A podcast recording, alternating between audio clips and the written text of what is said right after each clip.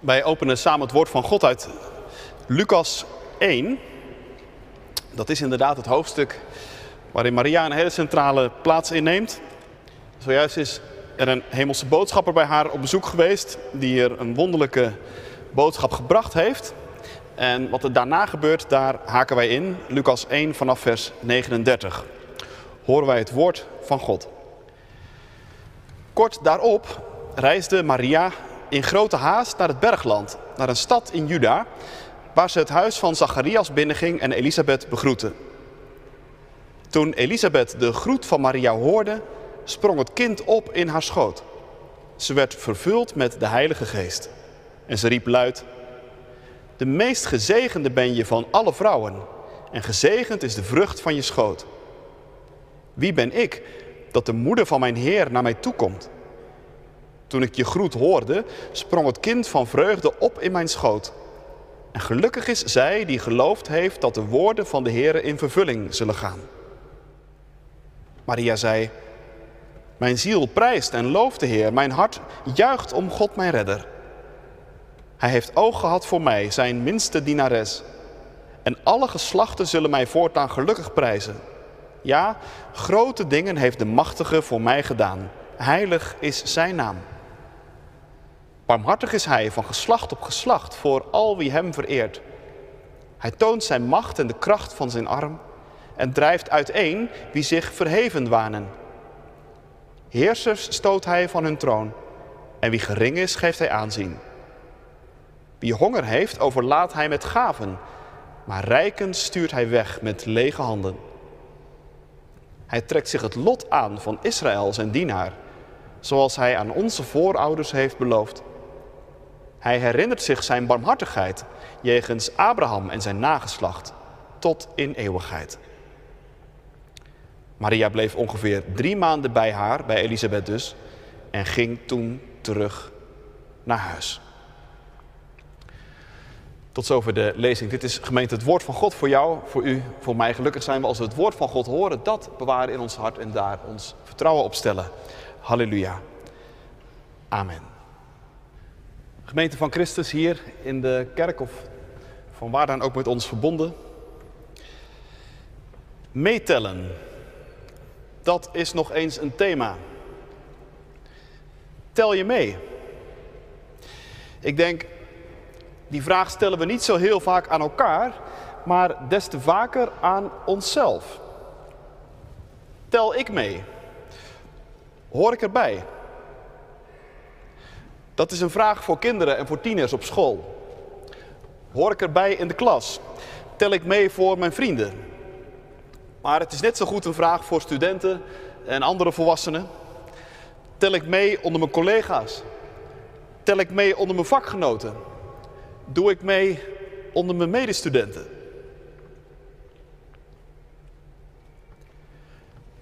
Boeiend om nog even stil te staan bij het mogelijke antwoord op die vraag. Want wie bepaalt dat nou eigenlijk, hè? Of jij meetelt en aan de hand waarvan? Wat zijn eigenlijk de criteria? In de praktijk komt het er denk ik vaak op neer dat anderen dat voor jou bepalen of je meetelt of niet. Er zijn overal normen, vaak onuitgesproken, en die scheppen verwachtingen. En kun je daaraan voldoen, dan tel je mee. En kun je dat niet, ja, dan wordt het spannend. In onze tijd is de norm heel vaak wat jij kunt. Of wat je presteert. Daar hebben we zelfs een heel duur woord voor. We leven in een meritocratie niet waar je wieg stond bepaalt wat je, wat, je, eh, wat je kunt en of je meetelt. Niet je afkomst en niet je vanzelfsprekende positie op de maatschappelijke ladder. Nee, je merites bepalen dat. Je verdiensten, je prestaties. En de bedoeling daarvan is goed. Want, denken wij, zo kan tenminste iedereen meedoen. Gelijke kansen. Of je wieg nu naast het Wilhelminapark stond of op het Kanaleiland. Wie zijn best doet, kan de top bereiken. Nou mag de bedoeling misschien goed zijn, maar de praktijk is toch weer barstiger. Want meer mensen dan ooit vragen zich van tijd tot tijd af of ze wel meetellen. Misschien jij wel. Het kan zomaar zijn dat je thuis zit op het moment met een burn-out of een depressie.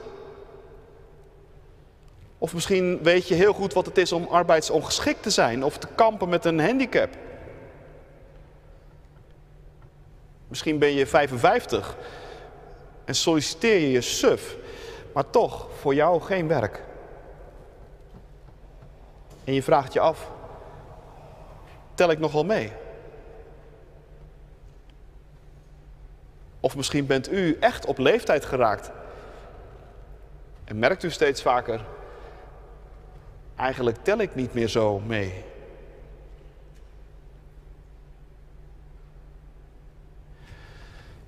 Meetellen dus. Het valt me op dat juist de verhalen rond de geboorte van Jezus vol staan van mensen die op de een of andere manier niet meetellen. Denk aan Simeon en Anna, te oud. Denk aan de herders, te arm. Denk aan Elisabeth, onvruchtbaar.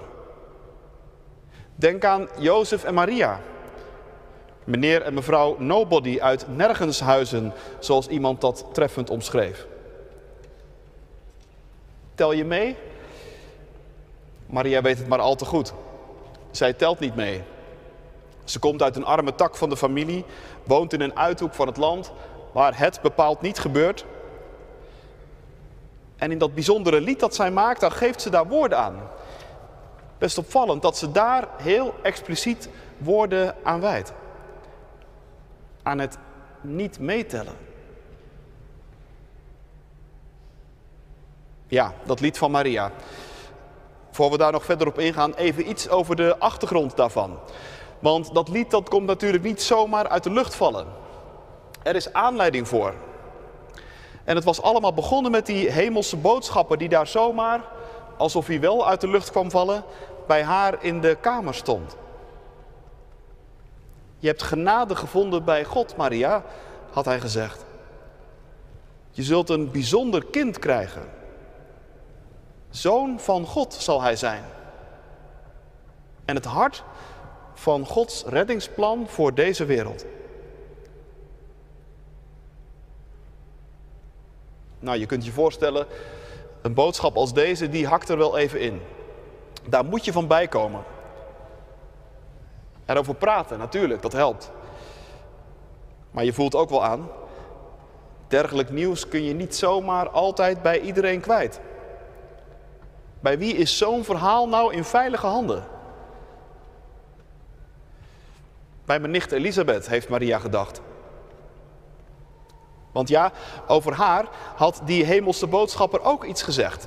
Ook bij Elisabeth was er sprake van een mysterieuze zwangerschap. Als er dus iemand is die Maria nu spreken moet, dan is het zij wel.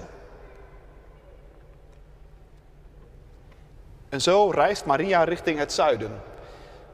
Met haast staat erbij, naar de stad waar haar nicht woont. Ik vind dat altijd een ontroerende scène die beschreven wordt door Lucas.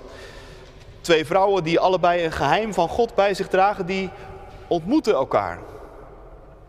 En ik denk, ze hebben elkaar ook nodig over en weer. Maria moet Elisabeth zien en spreken. Het lijkt haast een soort checkmoment, want als het klopt wat de engel over Elisabeth gezegd heeft, dan geeft dat Maria ook vertrouwen voor haar situatie. En andersom? Andersom is het niet anders. Want aan Elisabeth is een zoon beloofd die de komst van de Heer zal moeten voorbereiden. Maar ondertussen was er tot nu toe van de komst van de Heer voor Elisabeth nog niets te zien. Nu wel. Met de komst van Maria verandert dat. En Elisabeth, ze voelt het aan alles. Hier staat de moeder van de Heer voor haar.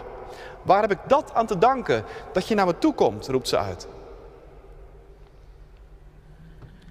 En uit die bijzondere ontmoeting wordt het lied van Maria geboren. Mijn ziel prijst en looft de Heer. Mijn hart juicht om God mijn redder. Want hij heeft oog gehad voor mij, zijn minste dienares. Alle geslachten zullen mij voortaan gelukkig prijzen.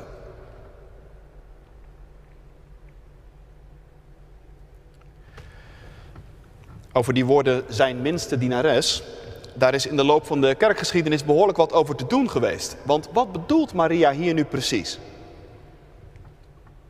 Er staat een woord dat in de richting wijst van nederigheid. Maar wat voor nederigheid? In de middeleeuwen is heel lang gedacht dat het hier om een eigenschap van Maria ging. Zij zou een heel nederig en bescheiden meisje geweest zijn. Zo nederig dat God haar om die reden uitkoos om de drager van de Messias te worden. Nederigheid werd daarom in die tijd een heel belangrijke deugd.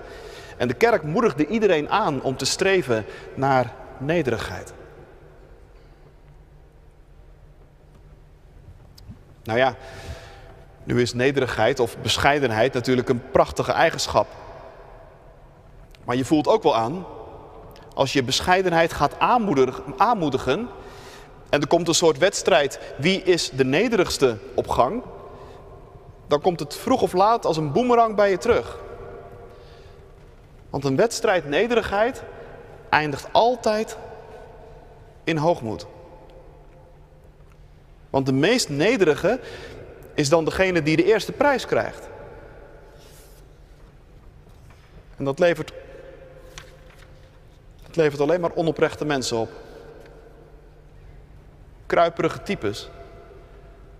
Zogenaamd bescheiden en nederig, maar ondertussen. Types waar de filosoof Nietzsche zo op kon schelden. Producten van de slavenmoraal waar het christelijk geloof in zijn ogen altijd weer naartoe leidde.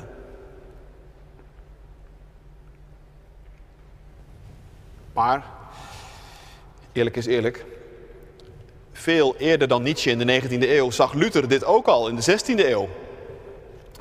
Echte nederigheid, zei Luther, die, die weet helemaal niet dat ze nederig is. Echte nederige mensen hebben helemaal niet door dat ze nederig zijn. Die zijn gewoon zichzelf prettig vergeten. Bij Maria's nederigheid moet je dan ook niet denken aan een karaktereigenschap. Maar je moet veel meer denken aan status. Maria hoort er gewoon niet bij. Zij hoort bij de mensen die niet meetellen. Zij behoort bij de mensen die voor degene die aan de touwtjes trekken er gewoon niet toe doen. En alleen op die manier is zij Gods minste dienares. Kijk, en als je dat ziet, dan vallen denk ik ineens alle stukjes van dit hele lied van Maria op hun plek. Ineens snap je de euforie. Ineens snap je het grote wauw van dit lied, van wat Maria zingt. Het is de ontdekking van, ik tel toch mee. Want God, mijn redder, die heeft oog voor mij gehad. Die heeft naar mij omgezien. En hoe? Terwijl ik niks heb om mee voor de dag te komen. Ik kan geen status meebrengen. Ik kom niet uit een goede familie. Mijn carrière is bepaald niet om over naar huis te schrijven. En toch. Kijk, dat zegt natuurlijk uiteindelijk alles over wie de Heere God is. En daarom kan dit lied van Maria niet anders zijn dan een lied over God. Over wat Hij gedaan heeft. En over wat Hij doet. Als je het op een rijtje zet, dan is de Heere God in dit lied voortdurend de handelende persoon. Telkens weer is het Hij heeft en Hij doet en Hij is. En als je dat even allemaal zo op een rijtje zet, wat er dan over God gezegd wordt, dan wordt één ding heel duidelijk. De Heere God runt geen meritocratie. Bij Hem is het niet, als je maar je best doet, dan komt het goed. Want iedereen heeft toch gelijke kansen. Nee, de Heere God houdt er, om het even zo te zeggen, een wat realistischer mensbeeld op na. Hij weet heel goed dat rijken niet zomaar vanzelf omzien naar armen. Hij weet heel goed dat wie eenmaal hoog in de boom zit, echt niet vanzelf ruimte maakt voor een ander. Hij weet heel goed dat wie eenmaal arm is, dat ook niet zomaar even gefixt heeft. En dat wie ergens bungelt onder aan de maatschappelijke ladder, niet zomaar bovenaan staat. En daarom draait hij die dingen actief om. Heersers stoot hij van hun troon, zingt Maria. En wie gering is, die krijgt juist aanzien. Wie honger heeft, overlaat hij met gaven. Maar de rijken, die stuurt hij weg met lege handen.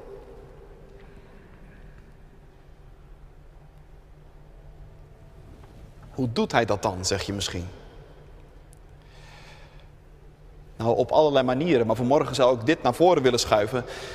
De Heere God doet dat door iemand als Maria dus uit te kiezen als de draagster van de redder. De Heere God draait actief die rollen om door zelf naar ons toe te komen in de gestalte van een kwetsbaar kind. Dat liever in een stal ligt dan in een paleis. En een voerbak verkiest boven een hemelbed. God draait actief de rollen om en hij gaat daarin zelf voorop. God is al lang nederig, zei Augustinus. Maar nu wij nog. Ja, nu wij nog. Je weet misschien dat dit lied van Maria in het getijdengebed van de kerk elke dag terugkomt. Als je in een klooster bent en je woont een vesper bij, of je bent in een Engelse kathedraal en je bent bij een evensong, of hier in Nederland, waar dat ook steeds vaker gebeurt. Elke keer opnieuw staat weer dit lied op het programma. En daarmee is dit niet alleen maar een lied van Maria, maar is het ook een lied van de kerk als geheel. Waarom, denk je misschien? Is dat niet saai? Elke keer hetzelfde. Nou ja, je merkt in deze dienst al, er zijn werkelijk talloze variaties gemaakt op dit lied. Dus alleen om die reden is het al niet saai. Maar er is nog een veel belangrijkere reden waarom er alle reden is om dit lied vaak te zingen. Misschien wel elke dag. Omdat namelijk alles erin zit. De ene keer zing je dit lied alsof je in een kritische spiegel kijkt. Want wees eerlijk, voor je het weet ben je zelf zo'n rijke. Voor je het weet ben je zelf iemand die zo stevig in het zadel zit en denkt dat hij daarom wel meetelt. En dan is het goed om het lied van Maria te zingen. Een andere keer is het lied een reminder voor je, zodat je weer weet hoe het er in het koninkrijk van God uiteindelijk aan toe gaat. En weer een andere keer zing je dit lied als een bemoediging. Als je zelf er weer eens tegenaan loopt hoe, hoe ongelooflijk leeg je eigenlijk bent voor God. Hoe weinig je hebt om bij Hem mee aan te komen. Je ziet anderen om je heen vrolijk en uitbundig geloven, althans zo lijkt het. En jij denkt elke keer, ik heb het niet. Ik pak het niet. Ik doe mijn best, maar het glipt elke keer weer tussen mijn vingers door. Ik zou zo graag willen geloven, of beter. Maar het lukt me gewoon niet. Het lijkt wel of ik er gewoon niet goed voor bekabeld ben. Zoals stadsdichter Ingmar Heitse het ooit verzuchtte.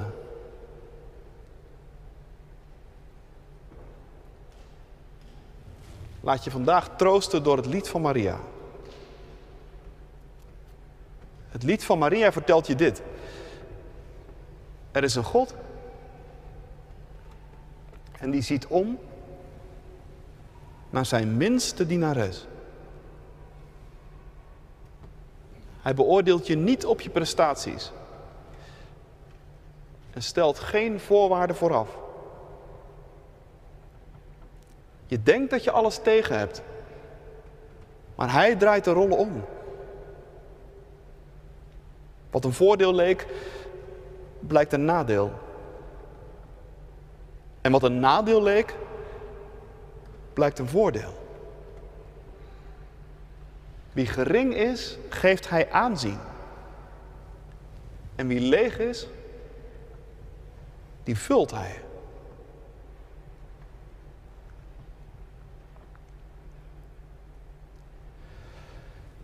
Tot slot. Vandaag worden in deze kerk David, Mirte, Emilia en Jonathan gedoopt. Tellen ze mee, vraag je misschien. Ik zou het wel denken. Een mooier plaatje bij het lied van Maria is er eigenlijk niet. Barmhartig is hij, zingt Maria, van generatie op generatie. Je ziet het vanmorgen voor je ogen gebeuren. En juist de kleintjes, die zijn in Gods ogen groot. En de grote dan? Wij, die hier vanmorgen omheen staan, jullie als ouders. Wij worden bij het doopvond eventjes heel klein. Want in kleine kinderen wordt ons heel veel gegeven. Maar wat weten we ons juist als het om onze kinderen gaat? Vaak geen raad. En daarom brengen we ze hier, in de kerk. Daarom gaan we ermee tot God. Want we voelen ons klein en leeg. Maar hij, zingt Maria, hij trekt zich het lot van Israël aan, zijn dienaar. Hij herinnert zich zijn barmhartigheid aan Abraham en aan zijn nageslacht. En dat nageslacht van Abraham, dat wordt nog altijd groter. Niet alleen Israël hoort erbij, maar God zij dank, ook de volken. Ook wij. Wij tellen mee. Voor Hem. En door Hem.